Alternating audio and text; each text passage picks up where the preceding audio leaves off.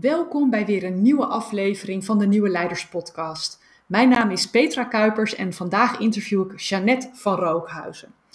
Jeannette heeft zelf 20 jaar bij de gemeente gewerkt. Ze is ooit begonnen achter de balie, maar heeft uh, zich ontwikkeld uh, met allerlei studies en werkervaring tot manager en uiteindelijk gemeentesecretaris.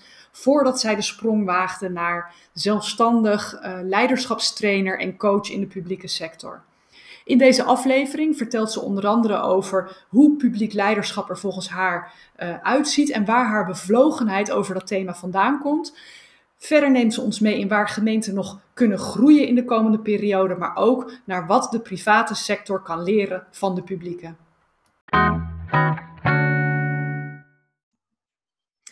Hey Jeannette, welkom in de podcast Nieuwe Leiders. Hoe is het?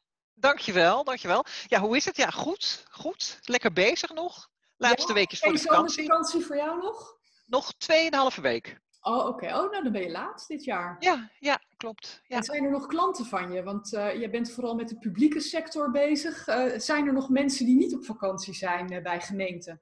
Ja, ja. Nou ja, weet je, bij de overheid is het toch altijd wel zo. Dat gaat natuurlijk gewoon 365 dagen per jaar eigenlijk door. Dus die vakanties die spreiden zich. En uh, ja, er zijn altijd wel mensen aan het werk. Het gemeentehuis is altijd open. Ja. ja. En voordat we zo echt uh, eventjes op het uh, publiek leiderschap, want dat is natuurlijk jouw, jouw echte thema, voordat we daar de diepte in gaan, ben ik eigenlijk heel benieuwd naar jouw achtergrond. Waar kom je vandaan? Hoe, hoe ben je zo in die gemeente verzeild geraakt? Wat, wat voor achtergrond heb jij? Kan je ja. ons eens mee terugnemen? Ja, nou dat, dat is wel een grappig verhaal. In die zin, ik heb HAVO-VWO gedaan. Uh, toen ging ik scheikunde studeren in Delft. Oké. Okay. aan de TU, ja. En dat bleek uh, echt wel even een, een, een misser te zijn, een mismatch vooral. Ik ben echt iemand van de praktijk. Ja. En uh, ik haalde al de practicumvakken ook in in één keer geen enkel probleem. Mm-hmm. Maar ik bleef heel erg hangen op de theorie. Ja. Uh, dat, dat ging me, ik zeg altijd, dat ging mijn pet echt gewoon te boven. Ik kon het niet meer plaatsen. En, wat was uh, het beeld wat je daarbij had gehad? Van, van waar chemie? Nou, ik vond sowieso, ik vond scheikunde heel erg leuk. Uh, ik kom ook uit een situatie waar bij ons thuis vandaan werd studeren echt niet gestimuleerd. Integendeel. Dus ik uh, ik ben daar ook niet heel erg in begeleid. En ik had dus meer zoiets van, nou weet je, ik vind scheikunde heel leuk. Dan ga ik scheikunde studeren. Ja. En wat ik nog wel in mijn hoofd had, was wat me heel leuk leek om bij, uiteindelijk bij de technische recherche terecht te komen. Okay. Weet je, als sporenonderzoek en dat soort dingen. Ja, ja, een beetje. Maar dus wel echt, weet je, in het laboratorium, uh, met de, de, hoe heet dat ding? Uh, microscoop en ja. nou ja, al je proefjes, dat soort dingen. Hey, en hoe lang heb je dat gedaan? Hoe lang heb je dat gestudeerd? Uh, anderhalf jaar. En uh, ik was op het VWO gewend. Daar haalde ik echt met twee vingers in mijn neus uh, achters, negens en tienen. Ja. En toen kwam ik dus in Delft. En toen ging ik hard studeren. In ieder geval voor mijn doen dan. Hè. Ja. Wat ik gewend was, ging ik heel hard studeren. En dan haalde ik een 2. En dan deed ik een hertentamen. Dan deed ik echt mijn stinkende best. En dan haalde ik een 3. Hmm. En dan deed ik nog een keer een hertentamen en dan haalde ik een vier. En toen dacht ik, nou, dit gaat zo lang duren, dat gaan we niet doen. Voordat je aan een zesje zit. Ja, precies. Verder, ja. Precies. Ja, ja, ik dacht, dat gaan we niet doen. Ja, en toen? En, Want wist je nou, wat je dan wilde? Nee, nee. En in die tijd, weet je, ik was toen uh, net twintig, want ik ben altijd een jonge leerling geweest. Dus uh, ik was, na die anderhalf jaar was ik net twintig. Uh, ik had verkering, uh, die had een eigen huisje. En we hadden allebei zoiets van, joh, weet je wat? Ik kom gewoon lekker bij jou wonen. Ik ga werken. En weet je, ik heb een gezond stil hersenen. Ik heb uh, mijn handen bij me. Ik vind heus wel een baan. En dat was ook een kleine vergissing in die zin. Het was 1989. Oh, ik heb me echt top arbeidsmarkt. Ja, ik heb me toen echt suf gesolliciteerd. En ik had natuurlijk, of natuurlijk, ik had nul uh, kantoorervaring. Ik had altijd vakantiewerk op het platteland gedaan, weet je wel, spruitenpoten. En nou ja, weet je, ik ben meer iemand van het doen. Ja. En uh, nou, echt uh, talloze keren afgewezen. En uiteindelijk solliciteerde ik bij een gemeente als Bali-medewerkster, burgerzaken. PNO wilde mij niet hebben omdat ik helemaal geen ervaring had op een kantoor. En ze hadden een andere kandidaat die wel ervaring had. En de burgemeester van die gemeente. Dat ging toen nog zo, dat de burgemeester zich daar ook echt mee bemoeide. Maar solliciteerde je ook bij of dat nog net niet? Nee, dat niet. Ik had hem niet gesproken, maar de, de sollicitatie kwam ter besluitvorming wel in het college. En de burgemeester zei, ja, wij moeten haar een kans geven, want anders komt ze nooit aan de bak.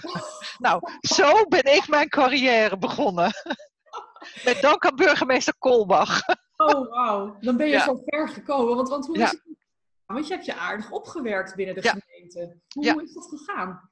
Nou, ik vond sowieso, of ik vond het werk heel erg leuk.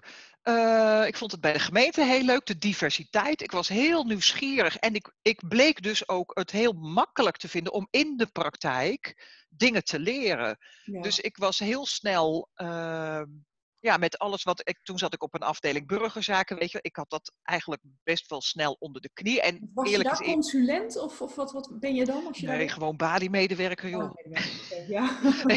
het werk wat je daar doet is uh, uh, rijbewijs, paspoorten afgeven. Oh, toen maakten wij ze nog zelf op het gemeentehuis. Dat is nu niet meer.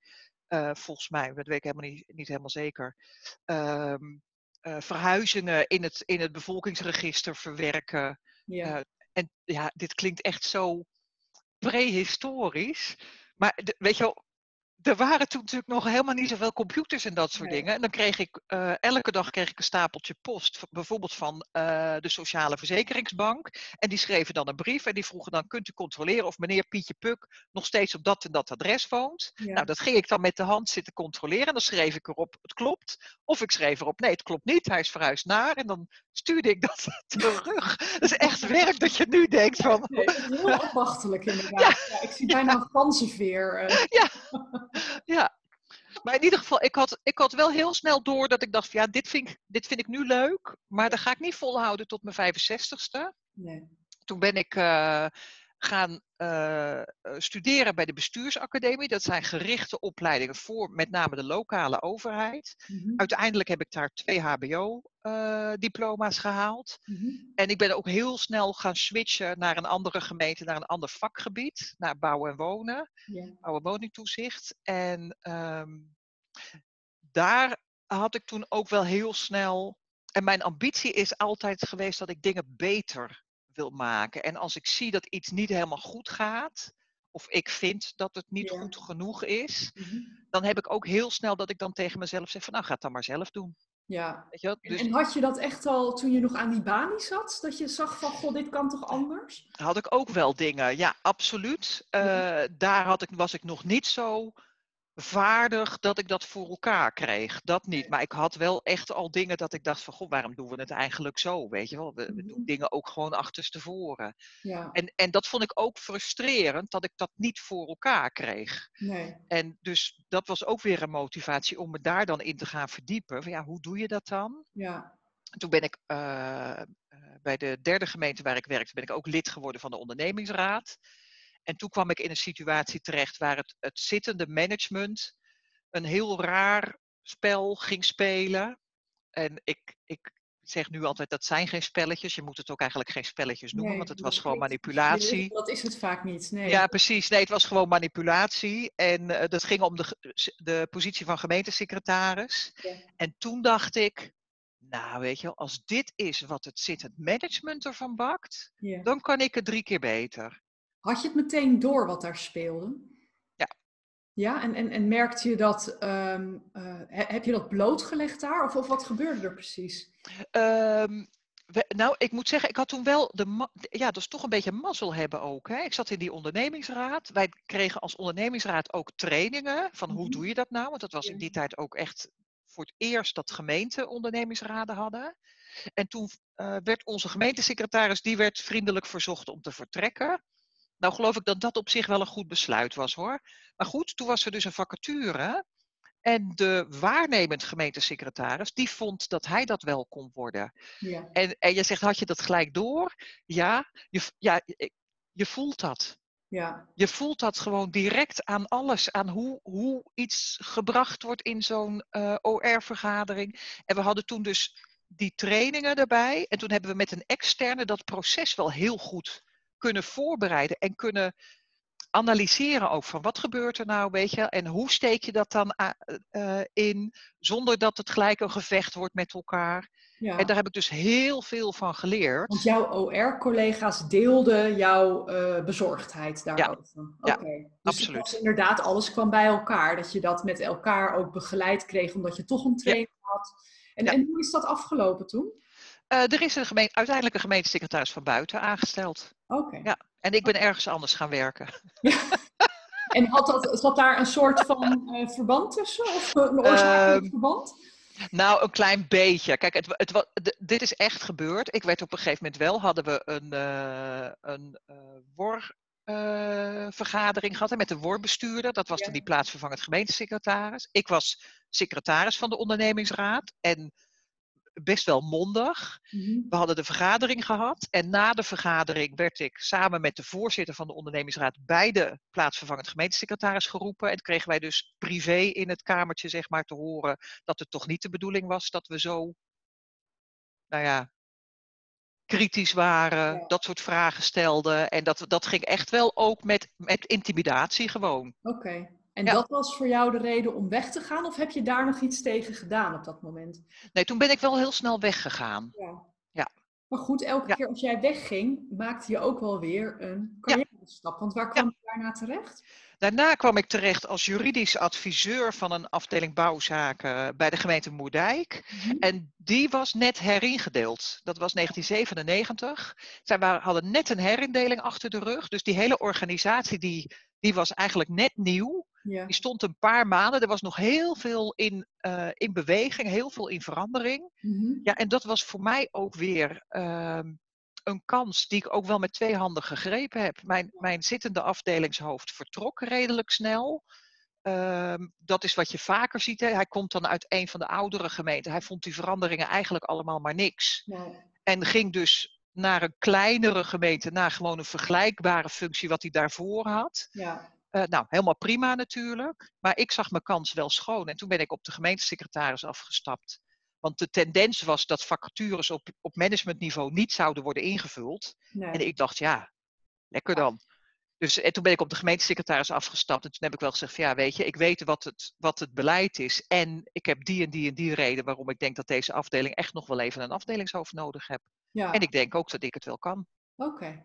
En ja. dat was genoeg om de functie gegund te krijgen? Ja, ja, ik had, ik had wel steun ook van uh, de medewerkers van de afdeling. Dat was natuurlijk ook wel heel prettig. Ja. En de gemeentesecretaris daar, die was ook heel uh, uh, handig. Want die was wel zo van, oké, jij wil die kans, dat is prima. Maar dan krijg je wel dit project gelijk erbij. Okay. En dat was ehm, het opzetten van een integrale afdeling vergunningverlening en handhaving. Dat had je toen helemaal nog niet. Nee. Ik had geen idee waar het over ging. Maar ik zei, dus goed, ga ik doen. Ja, kom en ik dacht, ik moet wel even uitzoeken wat dat is. Ja. Wat het bedoelt, ja. ja, precies. Ja. Ja. Heb je ooit spijt gehad dat je die opdracht hebt aangenomen? Nee, absoluut niet. Nee? nee. Oké. Okay. Nee, dus, uh, nee. Je hebt het uitgevogeld en je bent het gaan doen. Ja. Is, is ja, dat iets wat jou kenmerkt? Dat je, dat je zegt ja en dan zoek je het uit? Ja, oké. Okay. Dus, ja. Ja. Ja. ja, ik, ja. Um, ik ben niet, ik, ik denk dat ik heel makkelijk op hoofdlijnen sowieso zie ik altijd wel snel kansen en, en, en mogelijkheden en, en routes, zeg maar. Hè? Dus, en ik heb daar ook altijd wel veel vertrouwen in. Dat ik denk van oké, okay, ik heb wel een bepaalde richting. Mm-hmm. Ik hoef het ook niet alleen te doen. Hè? Ik kan altijd om hulp vragen, ik kan mensen daarbij betrekken en dan, dan komen we er wel. Ja. ja. En je maakt mij ongelukkiger als ik volgens een heel strak vooraf vastgelegd plan iets moet doen. Ja, dat kan ik me, kan ik me ook wel voorstellen, inderdaad. Ja. Je wilt, uh, eigenlijk was je al agile voordat het hip was. Oh, leuk. Grappig, ja. Hey, maar hoe ben je uiteindelijk, want je hebt op een gegeven moment een sprong gemaakt om voor jezelf te beginnen, uh, maar wel ja. in het publieke domein. Kan, kan je iets ja. vertellen over de aanleiding daarvoor? Hoe is dat zo gekomen? Ik uh, was dus afdelingshoofd. Uh, bij de gemeente Moerdijk. Mm -hmm. en ja, ook daar heb ik, daar heb ik twee keer een nieuwe afdeling opgezet. Um, toen veranderde er ook in de politiek wel het een en ander in Moerdijk, waardoor ik ook zelf dacht, en toen zat ik er ook zeven jaar, dat ik dacht, volgens mij wordt het tijd om weer een volgende stap te zetten. Mhm. En nou, toen dacht ik ook, laten we eens gek doen. Laat ik eens solliciteren naar de functie van gemeentesecretaris. Ja. En dat deed ik. En de eerste, de beste keer werd ik nog aangenomen ook. Wauw. Ja. En ik, ik weet nog, want ik, ik, volgens mij heb ik echt niet veel... ehm, ik heb wel veel vertrouwen in mezelf, maar ik overschat mezelf niet. Weet je, want ik weet nog dat ik dat telefoontje kreeg dat ik het was. Ja. Dat ik het geworden was. En dat ik toen echt ook wel dacht van, oh my god, weet je wel. ja. En, en nu, weet je, En nu hoe, moet ik. Ja. en nu moet ik, weet, ja, dat ook weer. Hè. Nu moet ik het wel waarmaken. Ja. Ja. Hoe lang Maar heb je dat goed. gedaan? Dat heb ik vijf jaar gedaan. Eh, dat was een kleine plattelandsgemeente. Daar eh, had ik redelijk snel, omdat ik daarvoor dus in een middelgrote gemeente had gewerkt. Toen ging ik weer terug naar een hele kleine gemeente. Dus ik had wel heel snel dat ik dacht van ja, weet je, de gemeenten krijgen steeds meer opgaven, eh, steeds meer eh, wat vanuit het Rijk doorgeschoven wordt. En we zitten daar met alle beste bedoelingen, Mhm. maar we zitten daar gewoon met een hele kleine organisatie. We gaan dat niet redden. Weet je, wel, de- met de beste wil van de wereld gaan we dat zelfstandig niet redden. En toen heb ik contact gezocht met twee buurgemeenten die heel vergelijkbaar waren qua zowel omvang als ja, structuur, zeg maar. Hè. Ook plattelandsgemeenten, meerdere kernen, zelfde problematieken. En toen hebben we heel snel ook, kwamen we gezamenlijk ook tot de conclusie van ja, weet je, we kunnen veel beter met elkaar gaan samenwerken en kijken hoe wij gemeenschappelijk bepaalde opgaven kunnen aanpakken. Ja, En dat is uiteindelijk een ambtelijke fusie geworden. oké. Ja, daar zal ook niet iedereen blij mee zijn geweest. En nou, dat is wel leuk om te vertellen, want ik eh, was in die tijd ook sowieso, ik, ik was in dat hele proces van ehm, dat ik afdelingshoofd werd, zeg maar, ik raakte steeds meer en meer geïnteresseerd in de mensen. Ja. Eh, eh, gewoon door de dingen die er gebeurden in het team, weet je wel. Dat, dat, dat ik iedereen individueel sprak en dat ik dacht van jeetje, wat een leuke mensen allemaal. En dan zaten ze bij elkaar op de kamer en dan was het een gedoe. ja. En dan dacht ik echt, hoe kan dat nou? Weet je, wat gebeurt hier? ja. Dus daar ben ik me ook wel weer heel erg in gaan verdiepen. Hoe toen ik heb je dus- daarin verdiept dan? Wat ben je gaan doen om dat, om dat te gaan begrijpen? Ik ben veel gaan lezen. Vooral. eh, en ik ben in die tijd ook veel eh, trainingen gaan volgen op het gebied van persoonlijk leiderschap. Oh, En dat gaf mij ook heel veel inzichten, natuurlijk ook in mezelf. ja. Maar ook in van, hé, hey, maar als dat bij mij zo werkt, Mhm. dan is de kans groot dat anderen soortgelijke processen hebben. Ja. En- Is, is dat iets wat jij denkt, dat dat, eh, is dat essentieel voor leiderschap? Dat je eerst jezelf durft te leren onderzoeken en kennen voordat je anderen gaat leiden? Dat is bij mij een absolute dikke ja, absoluut. Als ik mensen eh, coach, en dat doe ik regelmatig, hè, die naar een leidinggevende functie willen binnen de overheid, dan is mijn eerste stelregel ook, we gaan het eerst over je persoonlijk leiderschap hebben. Ja, Want, want anders worden het trucjes en dat werkt niet. Nee. Je moet, je moet echt vanuit jezelf, authentiek, Ja. met vertrouwen vooral in jezelf moet je het doen en anders dan werkt het niet. Want wat heb jij in die tijd over jezelf ontdekt wat jou verbaasd heeft? Of wa- wat je, waar, je, waar je nog niet van bewust was? Eh, nou, heb je even. Eh, ik ontdekte heel snel nadat ik eh, afdelingshoofd geworden was, dat ik een ongelofelijke perfectionist was. ja. Dat ik eigenlijk een heel negatief beeld over mezelf had. Dat was ik me echt niet bewust. Eh, maar toen, ik, ik had ook redelijk snel een burn-out te pakken. Ja.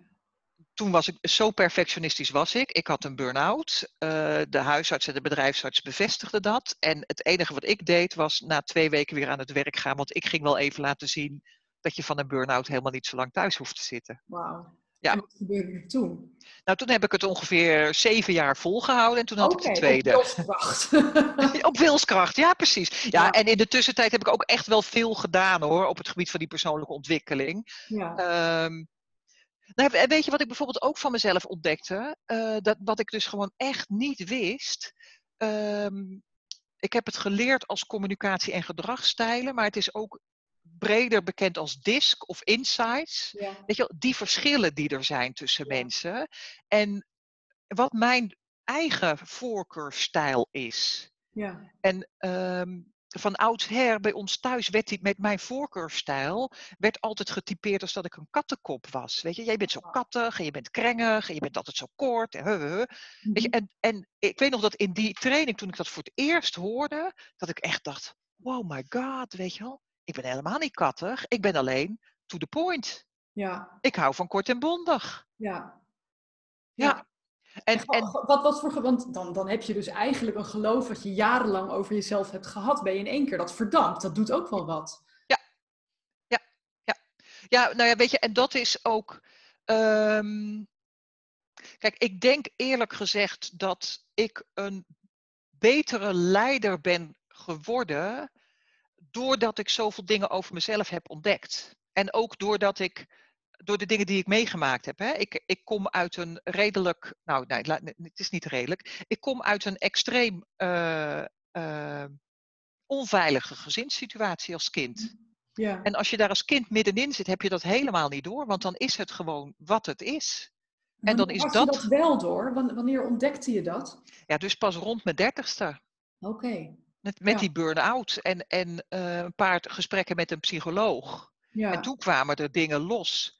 Um, en dat, dat heeft echt wel ook lang geduurd voordat ik helemaal goed kon pinpointen wat het nou was, zeg maar. Hè? Want, Ja. want ja, zo werkt het mechanisme dan ook. Weet je wel, het zijn Mhm. je ouders, die doen hun best. Eh, dat vertellen ze je ook tussen de klappen door. Eh, dus dan denk je dat het erbij hoort. Weet je wel, het is, het is eigenlijk zo'n mindfuck waar je mee opgroeit. Dat, dat kost echt wel even om die eh, eraf te halen. Maar doordat ik dat zelf ervaren heb, heb ik ook zoveel meer begrip voor, voor eh, wat we dan heel snel negatief gedrag noemen van mensen. Ja. Weet je wel? En dat, dat, ik, ik heb heel sterk ook altijd de neiging om daarachter te kijken. Ja. Te, dat het wil ik, symptoom van, bedoel je? Of ja, of- precies. Ja, precies. ja. Waar komt het vandaan? Wat zit erachter? Ja. Net zo goed als dat ik dat bij mezelf ook zag op een gegeven moment. Dat ik dacht van ja, dat perfectionisme. Hè, bij mij was het dan perfectionisme. eh, en, en ook eh, heel slecht nee kunnen zeggen. Heel slecht fouten kunnen maken. Ja, dat is ook alleen maar het verbloemen van mijn eigen onzekerheid. Ja. En je bent nu dus echt anderen aan het helpen. Hè? Want als trainer en coach zit je echt in dat publieke domein. eh, help je om dat leiderschap te ontwikkelen. Wat, wat Ja. grijpt jou daar zo in aan? Wat is nou dat, dat, dat, dat, dat vlammetje wat jij altijd hebt over Ja. publiek, inspirerend publiek leiderschap? Wat is dat? Help me daar eens mee. Nou, ik, eh, ik heb de hele sterke overtuiging dat eh, wij als mensen allemaal aan elkaar gelijk zijn. En dat we hetzelfde willen, ten diepste hè, aan elkaar gelijk zijn. En dat is, we willen allemaal gelukkig zijn. Mhm. En eh, geluk, dat zit hem in dat je in twee belangrijke dingen. Dat je groeit. En de- dus dat je je blijft ontwikkelen. En dat je een bijdrage levert. En een bijdrage leveren aan iets dat groter is dan jezelf. En waar kan dat beter dan bij de overheid? En Vind je dat ja, dat gebeurt? Zijn mensen zich daarvan bewust? nee, ik vind dat veel te weinig gebeurt. Ja, Ja. ja ik vind dat, da- daarom ben ik er ook zo gedreven in om daar iets in te betekenen. Want ik vind dat er zoveel kansen blijven liggen. ja. Er zitten veel te veel binnen de overheid in de systemen, in de procedures. We hebben het altijd zo gedaan. En nou ja, weet je, ik zei net, ik ben in 1989 begonnen binnen de gemeente. Er is natuurlijk wel heel veel veranderd. Maar de samenleving is ook zo ongelooflijk veranderd. En ik, ik ben van mening dat Nederland echt toe is aan een andere overheid. Ja. En, en hoe, in hoeverre staan gemeenten daarvoor open voor dat nieuws? Want ik kan me voorstellen op individueel niveau dat mensen denken, ja, dat wil ik. Ja. Maar hebben gemeenten als, als orgaan, als systeem, staan die daar ook al voor open? Eh, nee, nee. Het is echt wat jij zegt, dat individuele niveau. En daar richt ik me ook op. Die mensen die zoek ik ook. Een revolutie Eh, van onderop eigenlijk, eh, ja. Wacht even hoor, want je geluid valt, eh, valt uit. Even kijken of hij het weer doet. Zeg nog even wat. Ja, Ja, ik ben er nog? Ja, je was even weg. Oké. Ehm, ik, ik snap ook dat het zo werkt. Want dat systeem, dat zit echt best wel complex in elkaar. Weet je? We hebben natuurlijk een democratisch systeem. Eh, de politiek wordt gekozen. Die bepaalt uiteindelijk hoe het beleid in elkaar zit en wat we wel en wat we niet doen. Mhm. Aan de andere kant heb je dan het ambtelijk apparaat, wat de professionals zijn en die adviseren. Het zit zo in elkaar verweven Ja. dat, ehm, dat het echt wel lastig is. Ik denk ook niet dat je dat in één klap kan ombuigen. Dat moet Jij- je. Jij peutert als het ware een beginnetje bij het niveau teamleiders, hoofden, eh, managers, dat soort mensen. Maar je coacht ook gemeentesecretarissen. Ja, ik, ik, uh, ik coach ook wel eens wethouders. En overal zit ik te peuteren. Zo, ja, ja, ja, ja zo is het. beginnetjes, ja. ja. precies. Ik peuter overal beginnetjes. En ik, kijk al, ik, ik probeer ook overal. Uh, ja, dat klinkt dan een beetje, maar dat ik, weet je, als ik een vinger tussen die deur heb, probeer ik natuurlijk wel, liefdevol en vanuit de beste intenties, maar probeer ik wel, uh, kunnen we verder? Weet je, kunnen we dat wat we nu bereikt hebben, kunnen we dat uitrollen? Want hoe ziet voor jou um, inspirerend publiek leiderschap eruit? Kan je, daar, kan je daar een beetje kleur aan geven? Uh, dat, voor mij betekent dat toch wel dat je als leider in de publieke sector heel goed weet waarvoor je het doet. Dus hm. altijd die samenleving goed voor ogen hebt. En dan niet in de zin, want dat wordt nu wel vaak, dat ja, we doen het voor de klant, maar dat is een beetje zo'n dooddoener, weet je wel? Nee, echt, um, ik zeg altijd, iedere actie van de overheid moet leiden tot een betere en mooiere samenleving. Ja. En dat moet eigenlijk in al je cellen zitten. Dat je je altijd bewust bent van, hé, hey, wacht eventjes, dat wat we nu voorstellen, um, gaat, gaat de samenleving daar echt mooier en beter van worden? En dan korte termijn en lange termijn. Weet je wel, die twee ook altijd even met elkaar in afweging nemen. En wat we nu heel vaak doen, is toch korte termijn een bepaalde groep tevreden stellen. Mhm. En als daardoor een andere groep ontevreden is, nou dan stellen we die gewoon morgen tevreden. Ja. En dan gaan we zo rond. Daar, je, daar staat soms best spanning op, kan ik me voorstellen. Want het hangt er ook maar net vanaf welke portefeuille je... Hè, het is best wel politiek, welke portefeuille je uh, vertegenwoordigt. Of je vindt dat de samenleving er beter van wordt. Ja. Op welk niveau kijk je dan? Um, ja, ik... Uh, de, uh, dat vind ik een lastige vraag. Op welk niveau kijk ik dan? Ja, ik denk de, op het mensniveau, in de zin van echt, het gaat om de mensen. En ik ben er zo van overtuigd dat als we dat doen, dat het win-win-win is. Weet je, stel je voor dat de overheid in iedere actie de samenleving mooier maakt. En we kunnen dat heel goed uitleggen. Dan betekent het dat we tegenover de, die individuen die het niet prettig vinden, hebben we gewoon een heel goed begrijpelijk verhaal, duidelijk verhaal. Niet een politiek verhaal, maar gewoon een echt eerlijk, duidelijk verhaal. De samenleving wordt er mooier van, dus het gros van de inwoners wordt er blijer van. Daarmee wordt de politiek ook uh, meer gewaardeerd, wordt betrouwbaarder, wordt er ook blijer van. En als medewerker is het ook echt veel leuker om iets te doen waarmee je een bijdrage levert, dan dat je alleen maar aan het zeggen bent van ja, hier staat hè, die paarse krokodil, ja. staat daar. Ja, maar u moet dit formulier invullen. Ja, ja inderdaad. Ja, en daar kan nog wel het een en ander verbeteren. Absoluut. Ja. Maar nu ben jij dus bezig met een, met een traject hè, waar een aantal professionals vanuit de gemeente echt dat inspirerend publiek leiderschap gaan ontwikkelen. Kan, kan je een tipje van de sluier oplichten wat daar nu in gebeurt?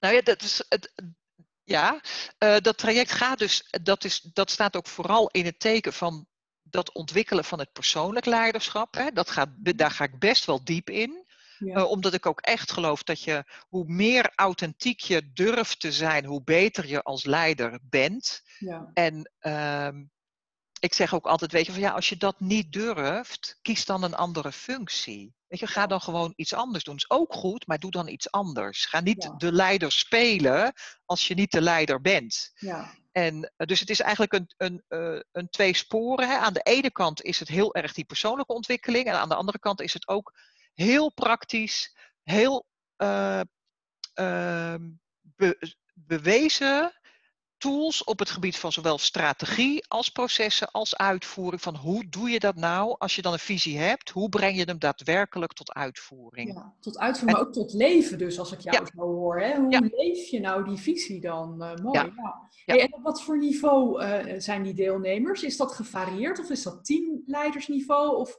hoe moet ik dat zien? Uh, dan moet ik even denken, dat zijn hoofdzakelijk wel teamleiders. Ja, okay, ja het grappige is ook dat ik daar uh, daar tref ik toch vooral de mensen die daar ook voor openstaan. Het middelmanagement eigenlijk. Ja, ja, ja, die zit altijd klem tussen eh, de uitvoering en het hogere leiderschap. Ik denk ook dat daar heel veel positief verschil kan worden gemaakt. Op dat, dat denk ik ook. Ja, dat herken ik zelf ook inderdaad. Hey, en uh, zelforganiserende teams. Even een, een, een uitstapje. Ik, ik zat ook even op jouw blog weer te kijken en ik zag dat je daar iets over geschreven had. Het is een beweging die ik heel veel zie, zowel in het publieke domein als op andere plekken.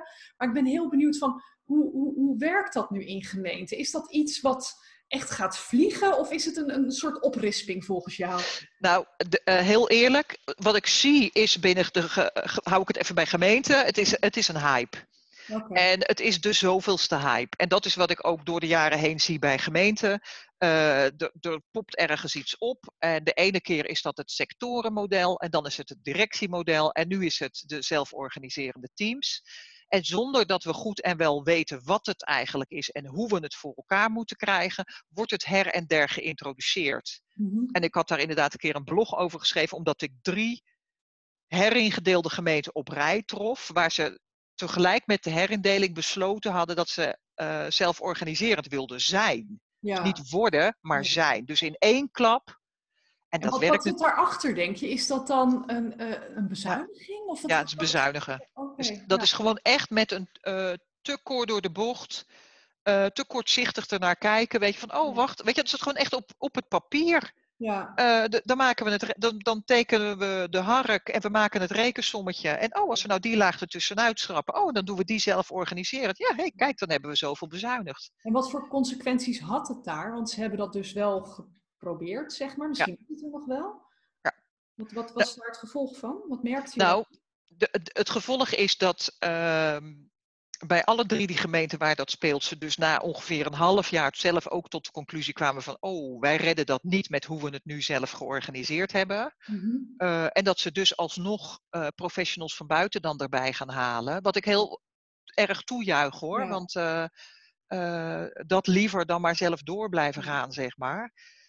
Maar dat ze dus wel erop terug moesten komen van ja, het gaat toch niet zo gemakkelijk niet op als deze manier. Niet op die manier, nee. nee. Want het kan natuurlijk wel werken, maar het was meer even mijn, mijn, mijn vraag. Ja. Van, is dat nou iets wat in het publieke domein volgens jou niet werkt? Of is het iets, is de aanleiding hier verkeerd geweest? Ja. Nee, dat was mijn punt in dat blog. Inderdaad, daar was de aanleiding verkeerd. Ja, Je moet het niet inzetten om een bezuiniging te halen. Ja. Weet je wel? En als je het inzet alleen om een bezuiniging te halen, dan nog zou ik ervoor kunnen zijn. Want ik ben wel voor zelforganisatie namelijk en mhm. zelfsturende teams.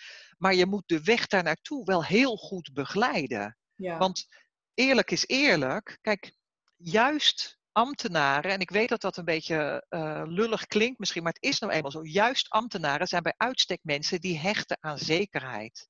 Ja. Aan gewoon, weet je, de regeltjes, hoe het mhm. altijd gegaan is. En en die in één klap naar zelforganisatie willen laten transformeren. Ja, die mensen moet je daar wel in begeleiden, want dat vraagt ineens hele andere. Ja. ja. Hey. Als je nou even door je oogharen een beetje naar de toekomst kijkt van de publieke sector, wat, wat, wat mhm. zie je voor beweging op ons afkomen? Want zelforganisatie, ja, misschien komt het er misschien niet, maar zie, zie je een soort macro-beweging uh, in, in de toekomst waardoor het anders wordt vormgegeven? Of wat voor verschuivingen zie jij? Ik ga zo antwoord geven op je vraag. Er komt er hier een binnengeslopen, terwijl ik had oh. gezegd dat het echt niet mocht. Ja, dat zei ik. Heb je niet gehoord? Ja, je bent er nu toch? Vijf minuutjes. Dag lieverd. Ja, en dat is ook hè, het lot van de thuiswerkende moeder. Klopt, klopt. Kinderen die binnenkomen. Ja, ja, ja. Uh, wat was je? Oh ja, door de oogharen naar de overheid kijken. Um, ja, weet je, ik, uh, ik denk echt, ik ben ervan overtuigd dat het tijd is voor een andere overheid. Dat we los durven te laten dat wij als overheid het allemaal weten, dat wij het wel zullen regelen, dat wij de controle over van alles en nog wat moeten hebben. Ik vind dat de verantwoordelijkheid voor heel veel zaken mag echt veel meer terug naar de burger zelf. Mm-hmm. Zowel op het particuliere vlak als op het uh, professionele vlak. Uh, ook ondernemers, weet je, geeft die gewoon lekker zelf hun eigen verantwoordelijkheid terug. Ga dat allemaal niet zitten regelen voor ze. Ja. Uh, dus dat is een beweging die ik in ieder geval heel erg, waarvan ik ik hoop dat die uh, gaat plaatsvinden, maar van, waarvan ik ook vind dat het moet als je gewoon naar de samenleving kijkt. Ja, de tijd is er rijp voor. De tijd is er rijp voor, weet je wel, de, de, de, de toekomstige generatie die gaat echt niet meer zo braaf als dat wij dat vroeger deden met allerlei dingetjes naar het gemeentehuis. En, en er zijn ook. wel onze vakanties boeken, verzekeringen afsluiten, bankrekeningen openen.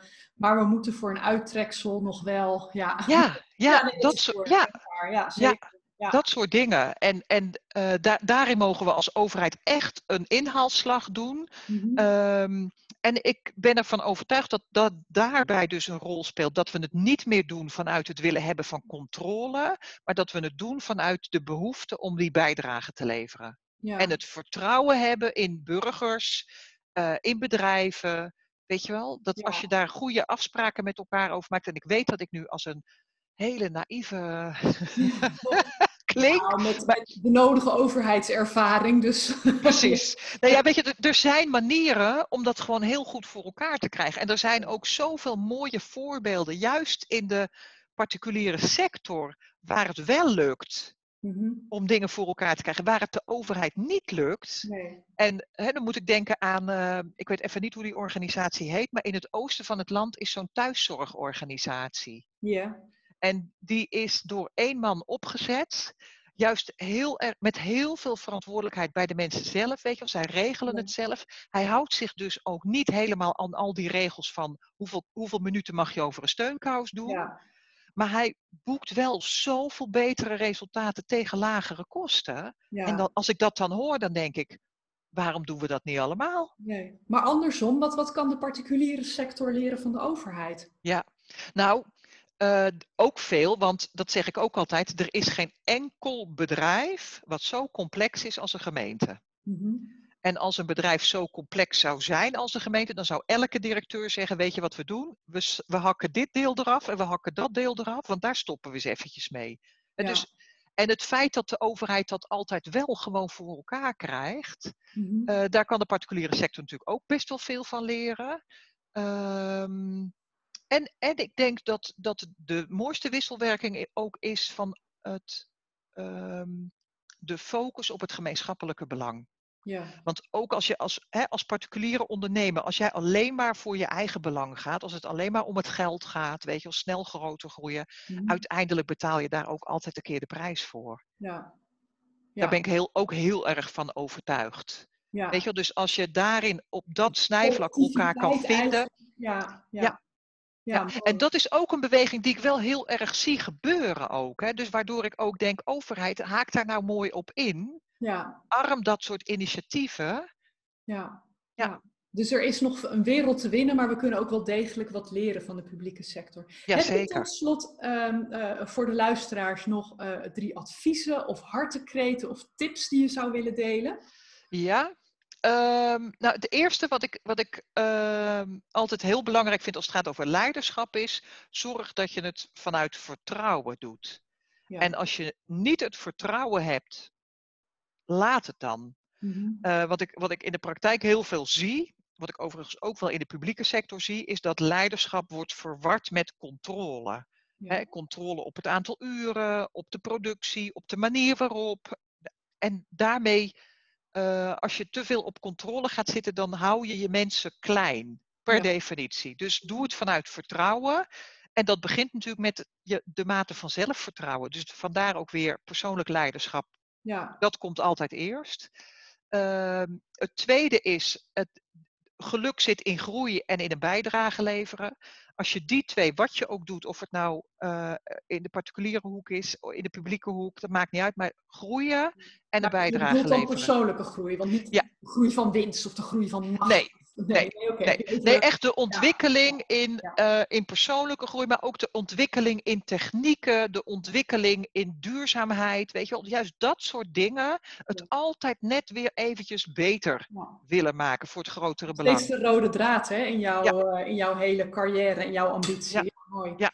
ja. En de derde? Je moet wel van mensen houden. Ja? Als je, ja, als je niet van mensen houdt, uh, dan moet je het ook gewoon niet doen. Nee. En, en, want leider zijn betekent altijd dat het over mensen gaat. Je bent met mensen aan het werk. En als jij weinig of geen interesse hebt in mensen, of weinig of geen begrip hebt voor mhm. eh, wat er in zo'n rugzakje kan zitten en wat dat betekent. Weet je, als je meer geïnteresseerd bent in het geld en in de procedures, ja, weet je, doe het dan alsjeblieft niet. Nou, dat lijkt me een hele mooie afsluiter. Dankjewel voor het interview en ik wens je een hele fijne zomer en heel veel succes met het mooie traject eh, wat je na de zomer gaat, uh, gaat aanbieden. Dankjewel. Hey, Dankjewel. Hoi, hoi. Doei. Ik hoop dat dit gesprek net zoveel inspiratie bij jou heeft losgemaakt als bij mij. Uh, vond je het interessant? Vergeet dan niet om de Nieuwe Leiders podcast te volgen, zodat je elke keer als eerste op de hoogte bent van een nieuwe aflevering.